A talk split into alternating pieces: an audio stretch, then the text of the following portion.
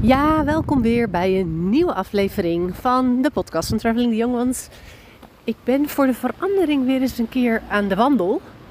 Maar dan nu letterlijk een keer voor de verandering, want dat heb ik al een tijd niet gedaan. Ehm, maar ik ben wel even benieuwd hoe de kwaliteit gaat zijn, want het waait best wel. Dus ik hoop dat ik straks de podcast niet nog een keer hoef op te nemen omdat je me eigenlijk gewoon niet zo goed kan verstaan. Dat zou natuurlijk een beetje jammer zijn. Ik ben uh, onderweg naar huis aan het lopen. Het is vandaag woensdag, um, ehm, 11 oktober. En inmiddels is het schooljaar natuurlijk alweer een tijdje op de rit. Sorry, pardon. ik ben nog een beetje verkouden. Maar op zich heb ik nog niet eens zo heel erg veel werkdagen in de klas gehad. Want als je me al een tijdje volgt, heb je dat misschien meegekregen. Maar sinds dit schooljaar werk ik nog één dag in de week in de klas. En de andere dagen ben ik thuis bezig eh, met les van Tess. En uh, met Traveling the Young Ones. Ouders begeleiden met vragen. De hele rattenplan. Super leuk. Maar goed, nog maar één woensdag op school. Elke week. En ook dat bevalt tot nu toe heel goed. Um, als ik op school ben, heb ik niet het gevoel dat ik superveel gemist heb. Dat ik me minder betrokken voel. Ehm, ja, weet je, dat is toch altijd even afwachten. Want je bent er maar één dag in de week. En ik probeer ook echt pas op dinsdag ehm, op een gegeven moment even in mijn mail te gaan. Om alvast bij te werken voor als ik de volgende dag op school ben. Nou, dat is dan best wel een bulk mail maar met heel veel hoef ik ook niet direct iets. Dus het is eigenlijk best wel goed te doen. En het valt me ook heel erg mee hoe ik het los kan laten. Dat ik dus niet meer altijd even actief betrokken ben bij alle beslissingen die er genomen worden. Daar was ik ook wel benieuwd naar. Omdat dat, weet je, als je bij het onderwijs betrokken bent. Uh, ik heb er natuurlijk ook gewoon ideeën over. En logisch, als je niet meer zoveel werkt op een school, worden er een hoop beslissingen genomen waar jij niet bij bent. En ik heb niet de indruk dat ik. Uh... Oh, wacht even hoor. Ik moet hier oversteken, maar ik weet niet of dit gaat lukken. Want er is hier een soort controle volgens mij. Ik wilde hier oversteken, dat doe ik meestal, want ik ben door de bos aan het lopen. Maar er is hier een stuk weg afgezet. Um, door de politie met een uh, afzetlint. Dus het verkeer mag er wel gewoon door. Maar het is zeg maar uh, van twee baan naar één baan. En er staat een camera, dus ik dacht, ja, ze doen misschien gewoon snelheidscontrole. Maar ik mag ook echt niet even erlangs. Dus ik moet even, even mijn route aanpassen. Maakt niet uit. Maar goed, uh, beslissingen. Ja, daar ben je dus logischerwijs minder bij betrokken. En het valt mij heel erg mee hoe ik dat los kan laten. Dat ik op, weet je, het is mijn keuze geweest om nu nog één dag uh, te werken hier op school. Dan is dit dus een consequentie. En ik heb dat nog niet heel erg gemerkt hoor. Maar ik bedoel, dat, dat valt echt wel mee. Maar het is natuurlijk wel een onderdeel ervan. Um, en eigenlijk is de woensdag nu voor mij, je noemt het misschien wel eens de break van de week. Ik heb hem eigenlijk ook, maar dan omgekeerd. Dus ik werk thuis en ik ben nog een beetje zoekende in het goed afbakenen en bewaken van mijn tijd. Want ik wil niet fulltime werken. Doe ik ook niet. Maar ik ben wel elke dag aan het werk. Het is natuurlijk alleen heel makkelijk om tussendoor, als je thuis bent, even een korte pauze te houden en even iets te doen thuis. Of mijn rooster, mijn schema aan te passen als dat voor de kinderen bijvoorbeeld nodig is. Dat is heel fijn, die flexibiliteit. Andersom kun je natuurlijk ook heel gemakkelijk tussendoor wat aan je werk doen. Is ook heel fijn als het een keer nodig is, maar ik wil wel echt proberen dat een beetje te kaderen. Juist omdat ik er nu vier dagen de tijd voor heb. En ik dus eigenlijk echt wel van die vijf werkdagen er sowieso één vrij wil zijn. Of twee dagdelen. Nou, daar ben ik nog een beetje zoekende in om dat goed te bewaken voor mezelf. Dat lukt nog niet helemaal, maar dat komt goed. Um, maar daardoor is die woensdag eigenlijk wel heel lekker. Het is echt het midden van de werkweek. En het is echt mijn break van de week van vier dagen thuis aan het werk zijn. Naar één dag lekker naar school. Met de kinderen werken. Met mijn collega's daar zijn. Even. Weet je, ik ben wel met onderwijs bezig, maar echt even op een hele andere manier. Het bevalt me wel. Ik was heel benieuwd hoe ik het zou vinden dat het dan op een woensdag zou zijn, zo midden in de week. Maar eigenlijk is het heel lekker. Dat het niet een dinsdag, maandag, nee, of any other day. Bevalt mij in ieder geval heel goed. dus, nou ja, dat is even de intro op mijn uh, wandeling naar huis op de woensdag.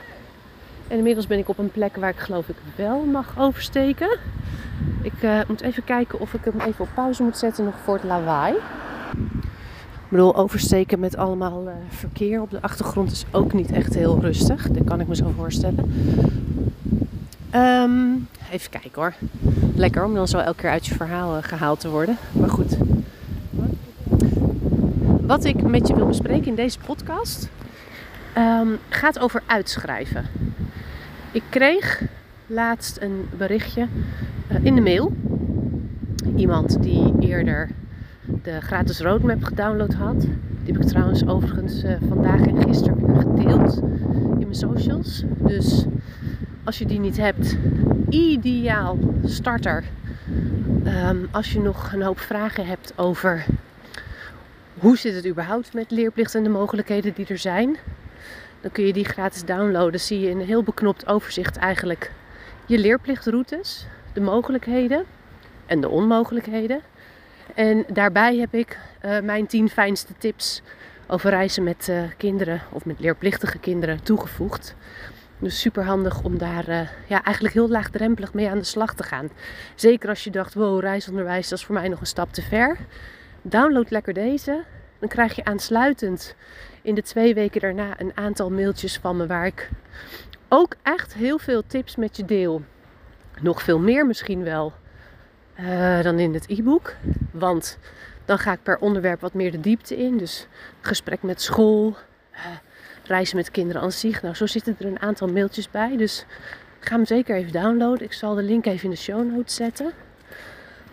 Maar deze ouder die mailde mij, die had dat gedownload en die had daarna ook de handleiding aangeschaft.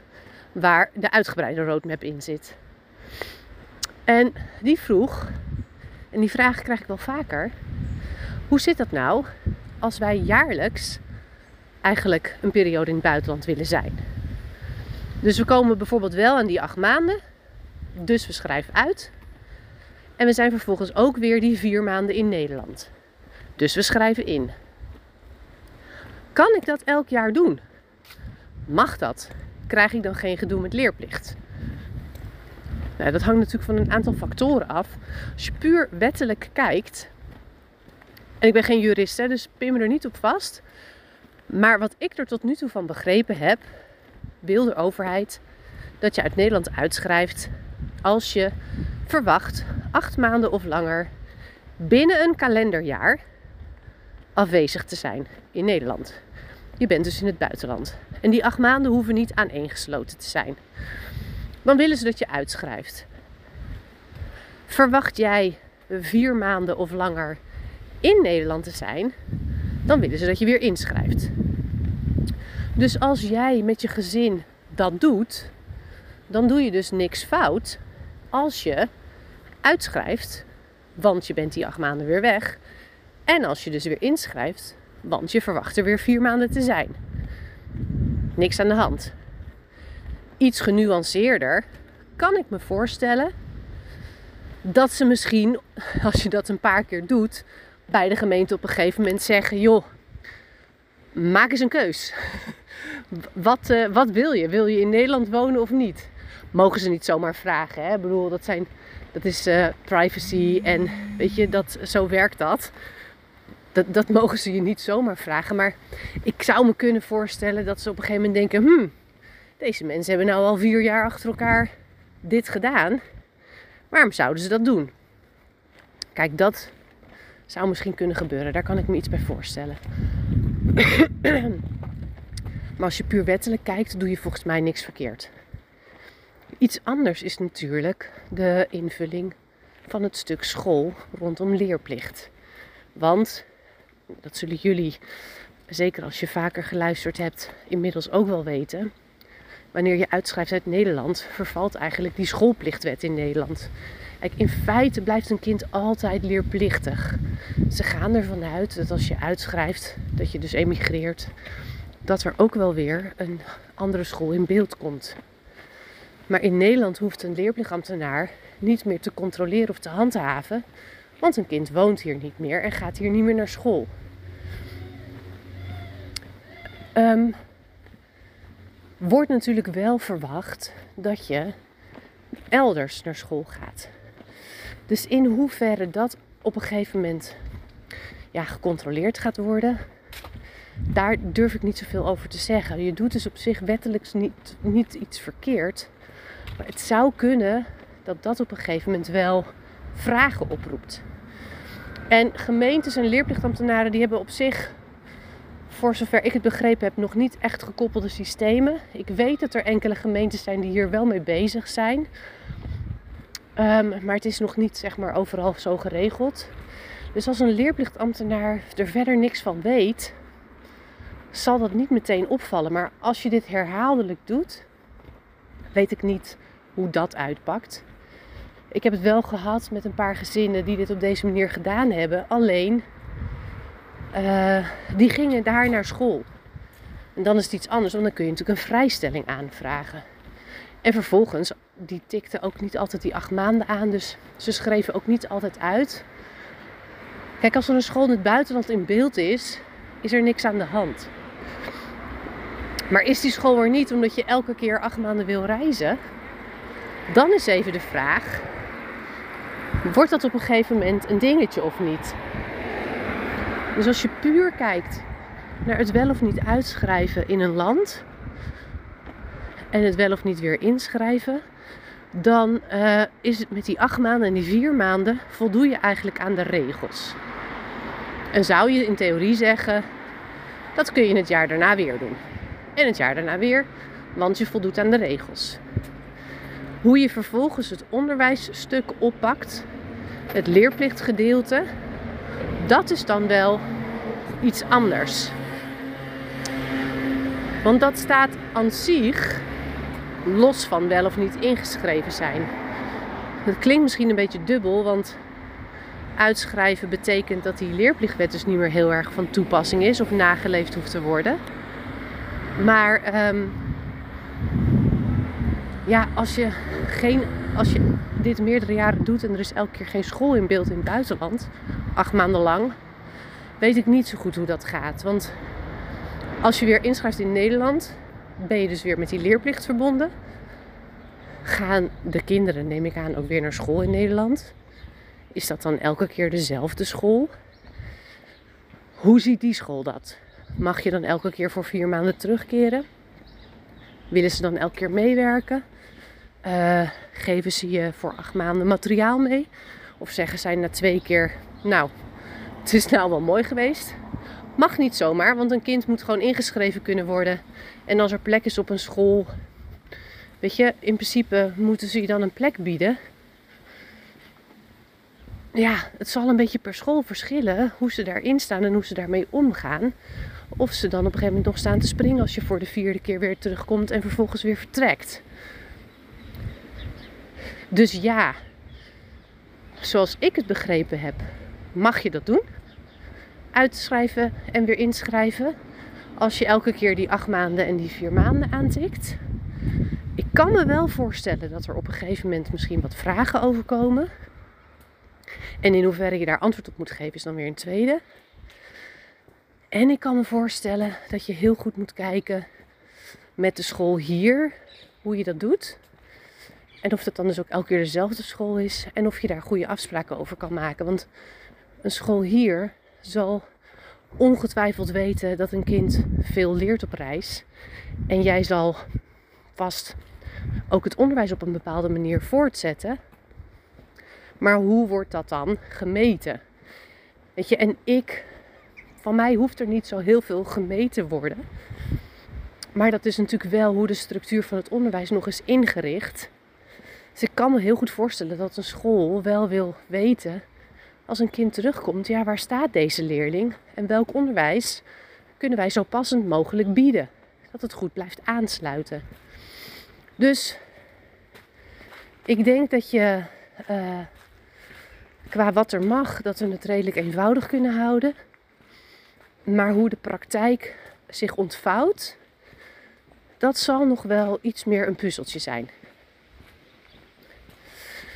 Um, ik dacht, ik geef je deze wel even mee.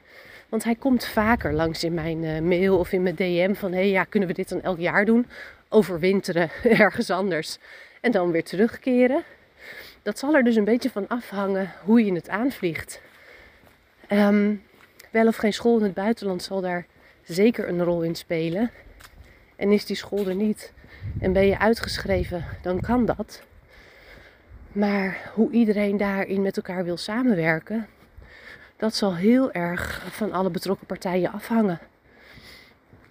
Dus mocht dit voor jou iets zijn uh, waar je wel eens over nagedacht hebt, of waar je benieuwd naar bent, dan hoop ik dat je hier iets aan hebt. En uh, heb je hier nou nog vragen over? Mail me dan even of stuur me even een berichtje via Instagram. Dan denk ik even met je mee of we plannen een informatiegesprek. En dan uh, kan ik je vast verder helpen. Maar ik hoop voor nu dat je hier alvast mee uh, op weg bent geholpen. En uh, ik hoor het graag. Wens ik je nog een hele fijne dag of avond. Dankjewel voor het luisteren en tot de volgende keer.